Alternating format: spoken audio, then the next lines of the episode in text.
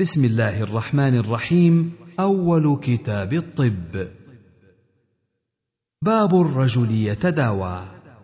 حدثنا حفص بن عمر النمري حدثنا شعبة عن زياد بن علاقة عن أسامة بن شريك قال أتيت النبي صلى الله عليه وسلم وأصحابه كأنما على رؤوسهم الطير فسلمت ثم قعدت فجاء الأعراب من ها هنا وها هنا فقالوا يا رسول الله أنا تداوى؟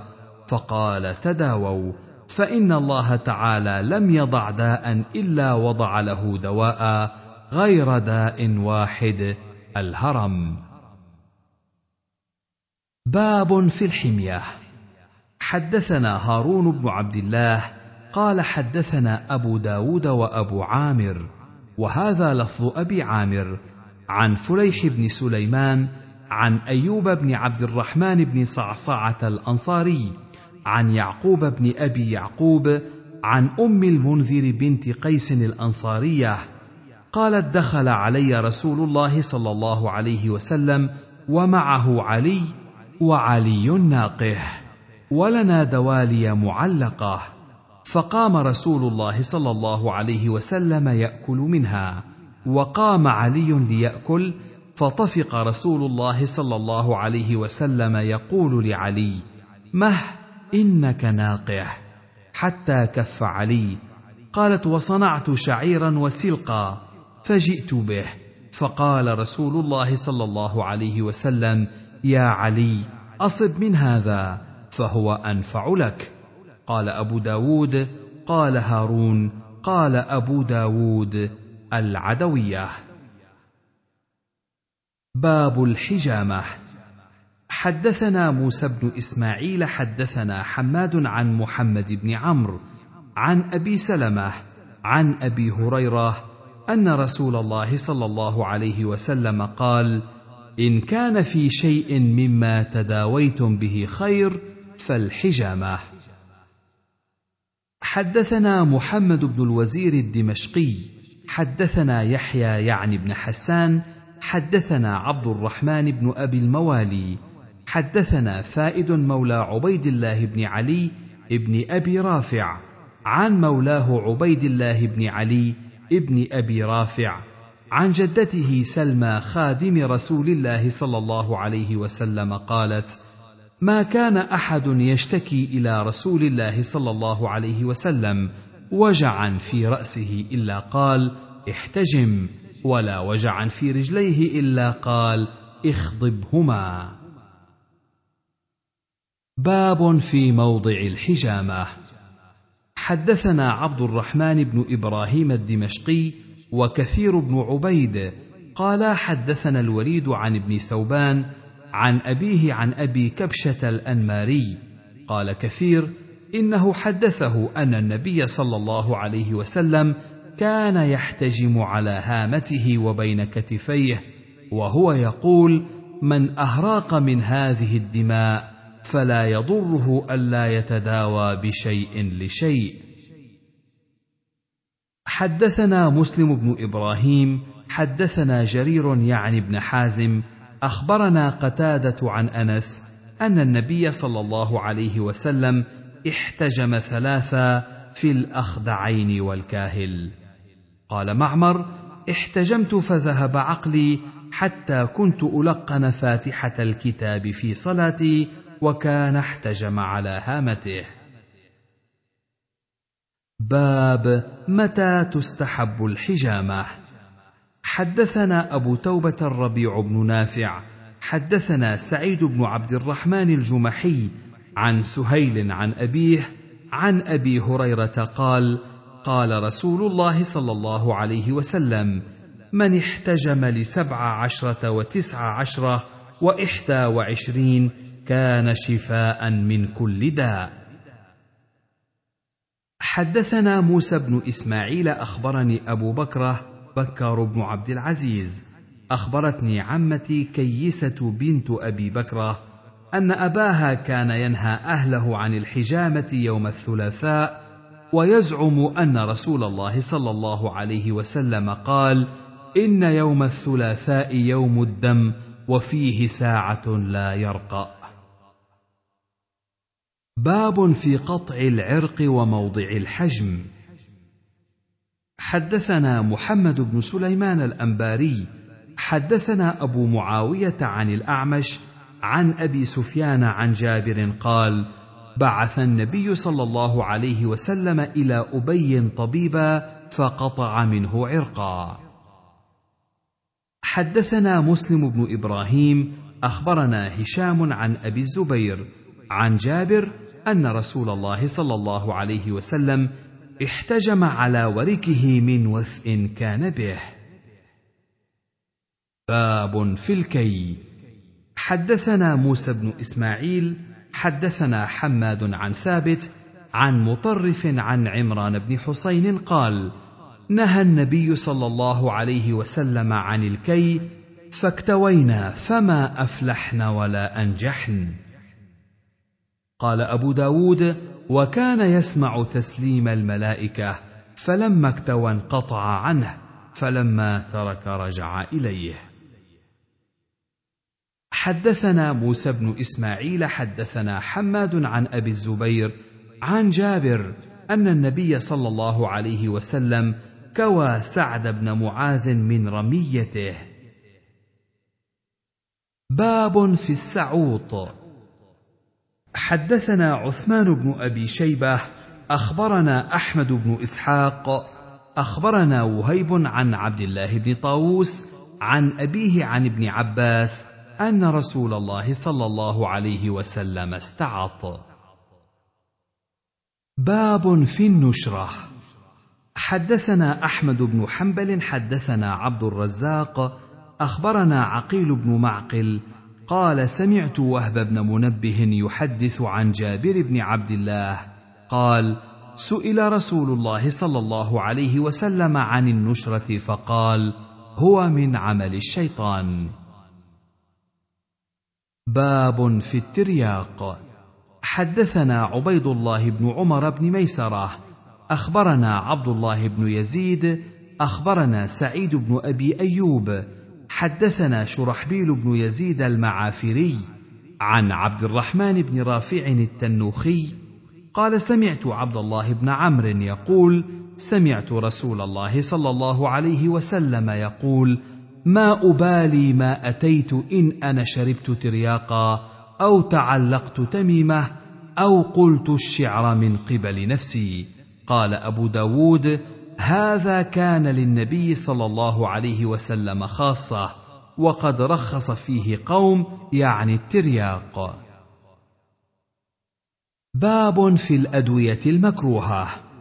حدثنا محمد بن عبادة الواسطي حدثنا يزيد بن هارون أخبرنا إسماعيل بن عياش عن ثعلبة بن مسلم عن أبي عمران الأنصاري عن أم الدرداء عن أبي الدرداء قال قال رسول الله صلى الله عليه وسلم إن الله أنزل الداء والدواء وجعل لكل داء دواء فتداووا ولا تتداووا بحرام. حدثنا محمد بن كثير أخبرنا سفيان عن ابن أبي ذئب عن سعيد بن خالد عن سعيد بن المسيب عن عبد الرحمن بن عثمان أن طبيبا سأل النبي صلى الله عليه وسلم عن ضفدع يجعلها في دواء فنهاه النبي صلى الله عليه وسلم عن قتلها. حدثنا هارون بن عبد الله حدثنا محمد بن بشر حدثنا يونس بن أبي إسحاق عن مجاهد عن أبي هريرة قال نهى رسول الله صلى الله عليه وسلم عن الدواء الخبيث. حدثنا أحمد بن حنبل حدثنا أبو معاوية. حدثنا الأعمش عن أبي صالح عن أبي هريرة قال قال رسول الله صلى الله عليه وسلم من حسى سما فسمه في يده يتحساه في نار جهنم خالدا مخلدا فيها أبدا. حدثنا مسلم بن إبراهيم حدثنا شعبة عن سماك عن علقمة بن وائل. عن أبيه ذكر طارق بن سويد أو سويد بن طارق سأل النبي صلى الله عليه وسلم عن الخمر فنهاه. ثم سأله فنهاه فقال له يا نبي الله إنها دواء. قال النبي صلى الله عليه وسلم لا ولكنها داء.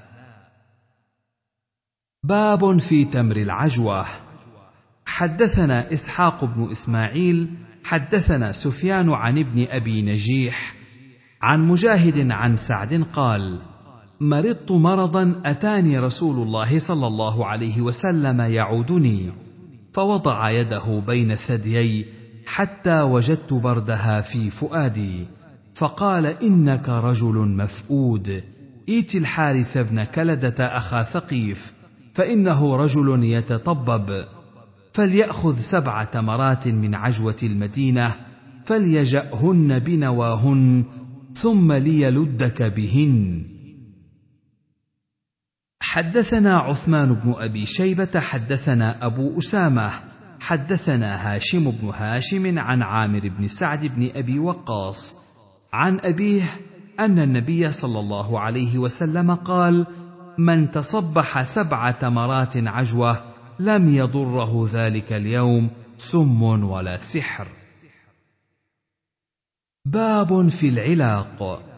حدثنا مسدد وحامد بن يحيى قال حدثنا سفيان عن الزهري عن عبيد الله بن عبد الله عن أم قيس بنت محصن قالت دخلت على رسول الله صلى الله عليه وسلم بابن لي قد أعلقت عليه من العذرة فقال علام تدغرن أولادكن بهذا العلاق؟ عليكن بهذا العود الهندي فإن فيه سبعة أشفية منها ذات الجنب يسعط من العذرة ويلد من ذات الجنب. قال أبو داود يعني بالعود القسط. باب في الكحل. حدثنا أحمد بن يونس حدثنا زهير حدثنا عبد الله بن عثمان بن خثيم عن سعيد بن جبير عن ابن عباس قال قال رسول الله صلى الله عليه وسلم البسوا من ثيابكم البياض فإنها من خير ثيابكم وكفنوا فيها موتاكم وإن خير اكحالكم الإثمد يجلو البصر وينبت الشعر. باب ما جاء في العين. حدثنا أحمد بن حنبل حدثنا عبد الرزاق حدثنا معمر عن همام بن منبه قال هذا ما حدثنا أبو هريرة عن رسول الله صلى الله عليه وسلم. قال والعين حق. حدثنا عثمان بن أبي شيبة حدثنا جرير عن الأعمش عن إبراهيم عن الأسود عن عائشة قالت كان يؤمر العائن فيتوضأ ثم يغتسل منه المعين. باب في الغيل. حدثنا الربيع بن نافع أبو توبة.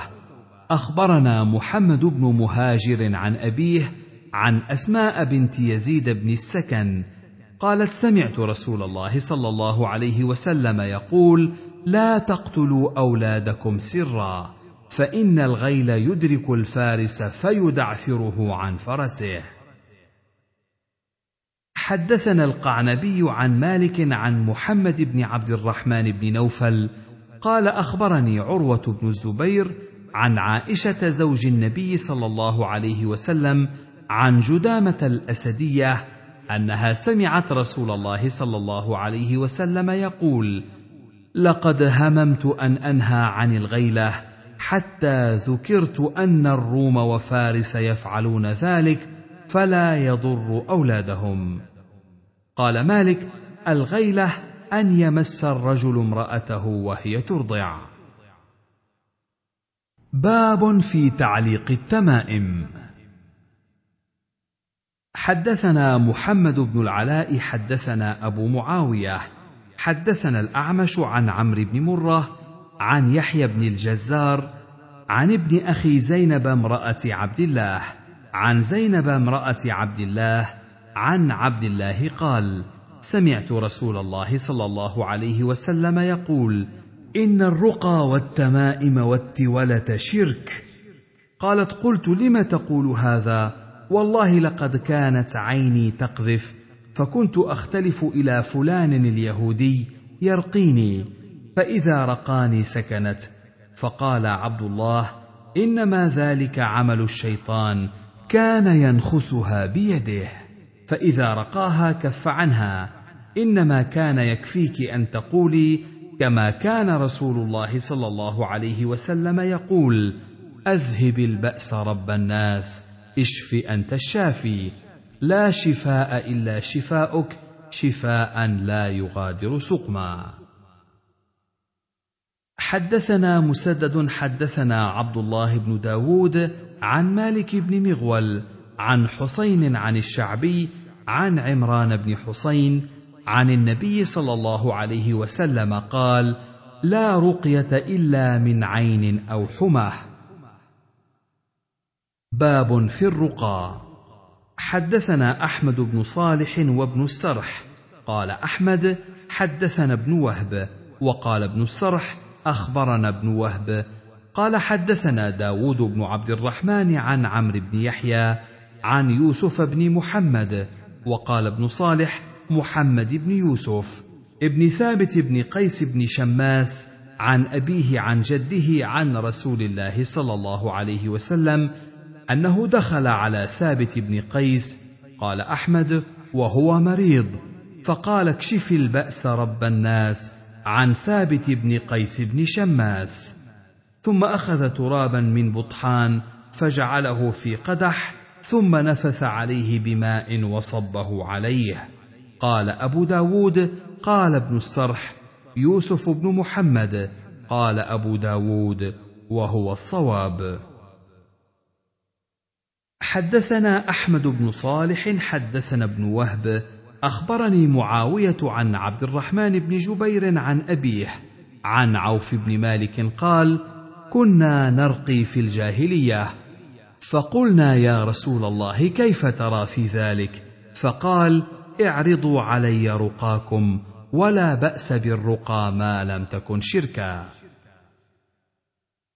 حدثنا إبراهيم بن مهدي المصيصي حدثنا علي بن مسهر عن عبد العزيز بن عمر بن عبد العزيز عن صالح بن كيسان عن أبي بكر بن سليمان بن أبي حثمة عن الشفاء بنت عبد الله قالت دخل علي النبي صلى الله عليه وسلم وأنا عند حفصة فقال لي ألا تعلمين هذه رقية النملة كما علمتيها الكتابة؟ حدثنا مسدد حدثنا عبد الواحد بن زياد حدثنا عثمان بن حكيم حدثتني جدتي الرباب قالت سمعت سهل بن حنيف يقول مررت بسيل فدخلت فاغتسلت فيه فخرجت محموما فنمي ذلك إلى رسول الله صلى الله عليه وسلم فقال مروا أبا ثابت يتعوذ قالت فقلت يا سيدي والرقى صالحة فقال لا رقية إلا في نفس أو حمة أو لدغة قال أبو داود الحمة من الحيات وما يلسع حدثنا سليمان بن داود حدثنا شريك حا وحدثنا العباس العنبري حدثنا يزيد بن هارون أخبرنا شريك عن العباس بن ذريح عن الشعبي قال العباس عن أنس قال قال النبي صلى الله عليه وسلم لا رقية إلا من عين أو حمة أو دم يرقى. لم يذكر العباس العين وهذا لفظ سليمان بن داود. باب كيف الرقى؟ حدثنا مسدد حدثنا عبد الوارث عن عبد العزيز بن صهيب قال قال أنس يعني لثابت ألا أرقيك برقية رسول الله صلى الله عليه وسلم؟ قال بلى. قال فقال اللهم رب الناس مذهب الباس اشف أنت الشافي لا شافي إلا أنت اشفه شفاء لا يغادر سقما. حدثنا عبد الله القعنبي عن مالك عن يزيد بن خصيفة أن عمرو بن عبد الله بن كعب السلمي أخبره أن نافع بن جبير أخبره عن عثمان بن أبي العاص أنه أتى رسول الله صلى الله عليه وسلم. قال عثمان وبي وجع قد كاد يهلكني. قال فقال النبي صلى الله عليه وسلم امسحه بيمينك سبع مرات وقل أعوذ بعزة الله وقدرته من شر ما أجد. قال ففعلت ذلك. فأذهب الله ما كان بي فلم أزل آمر به أهلي وغيرهم. حدثنا يزيد بن خالد بن موهب الرملي حدثنا الليث عن زيادة بن محمد عن محمد بن كعب القرظي عن فضالة بن عبيد عن أبي الدرداء قال سمعت رسول الله صلى الله عليه وسلم يقول من اشتكى منكم شيئا أو اشتكاه أخ له فليقل ربنا الله الذي في السماء تقدس اسمك أمرك في السماء والأرض كما رحمتك في السماء فاجعل رحمتك في الأرض اغفر لنا حوبنا وخطايانا أنت رب الطيبين أنزل رحمة من رحمتك وشفاء من شفائك على هذا الوجع فيبرأ.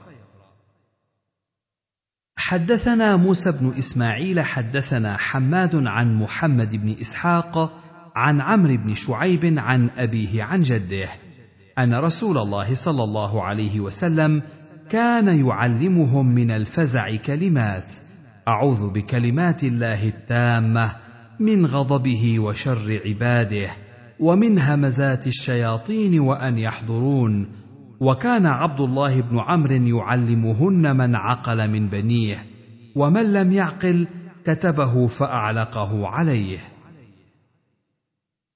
حدثنا أحمد بن أبي سريج الرازي أخبرنا مكي بن إبراهيم أخبرنا يزيد بن أبي عبيد قال رأيت أثر ضربة في ساق سلمة فقلت ما هذه؟ فقال أصابتني يوم خيبر.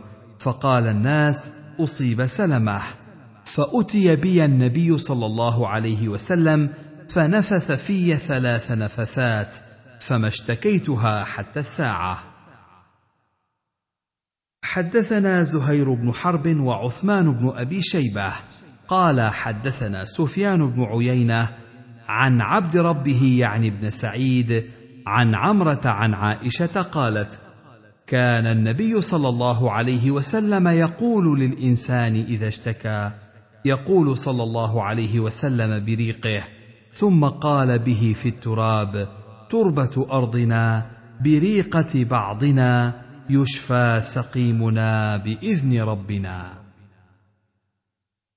حدثنا مسدد حدثنا يحيى عن زكريا حدثني عامر عن خارجة بن الصلت التميمي عن عمه أنه أتى النبي صلى الله عليه وسلم فأسلم ثم أقبل راجعا من عنده فمر على قوم عندهم رجل مجنون موثق بالحديد فقال أهله إنا حدثنا أن صاحبكم هذا قد جاء بخير فهل عندكم شيء تداوونه؟ فرقيته بفاتحة الكتاب فبرأ فأعطوني مائه شاه فأتيت رسول الله صلى الله عليه وسلم فأخبرته. فقال هل إلا هذا؟ وقال مسدد في موضع آخر هل قلت غير هذا؟ قلت لا. قال خذها. فلعمري لمن أكل برقية باطل لقد أكلت برقية حق. حدثنا عبيد الله بن معاذ حدثنا أبي وحدثنا ابن بشار حدثنا ابن جعفر حدثنا شعبة عن عبد الله بن أبي السفر عن الشعبي عن خارجة بن الصلت عن عمه أنه مر قال فرقاه بفاتحة الكتاب ثلاثة أيام غدوة وعشية كلما ختمها جمع بزاقه ثم تفل فكأنما أنشط من عقال فأعطوه شيئا فأتى النبي صلى الله عليه وسلم بمعنى حديث مسدد. حدثنا أحمد بن يونس حدثنا زهير عن سهيل بن أبي صالح عن أبيه قال سمعت رجلا من أسلم قال كنت جالسا عند رسول الله صلى الله عليه وسلم فجاء رجل من أصحابه فقال يا رسول الله لدغت الليلة فلم أنم حتى أصبحت. قال ماذا؟ قال عقرب قال أما إنك لو قلت حين أمسيت أعوذ بكلمات الله التامات من شر ما خلق لم يضرك إن شاء الله. حدثنا حيوة بن شريح حدثنا بقية حدثنا الزبيدي عن الزهري عن طارق يعني ابن مخاش عن أبي هريرة قال اتي النبي صلى الله عليه وسلم بلديغ لدغته عقرب. قال فقال لو قال أعوذ بكلمات الله التامة من شر ما خلق لم يلدغ أو لم يضره حدثنا مسدد حدثنا أبو عوانة عن أبي بشر عن أبي المتوكل عن أبي سعيد الخدري أن رهطا من أصحاب النبي صلى الله عليه وسلم انطلقوا في سفرة سافروها فنزلوا بحي من أحياء العرب.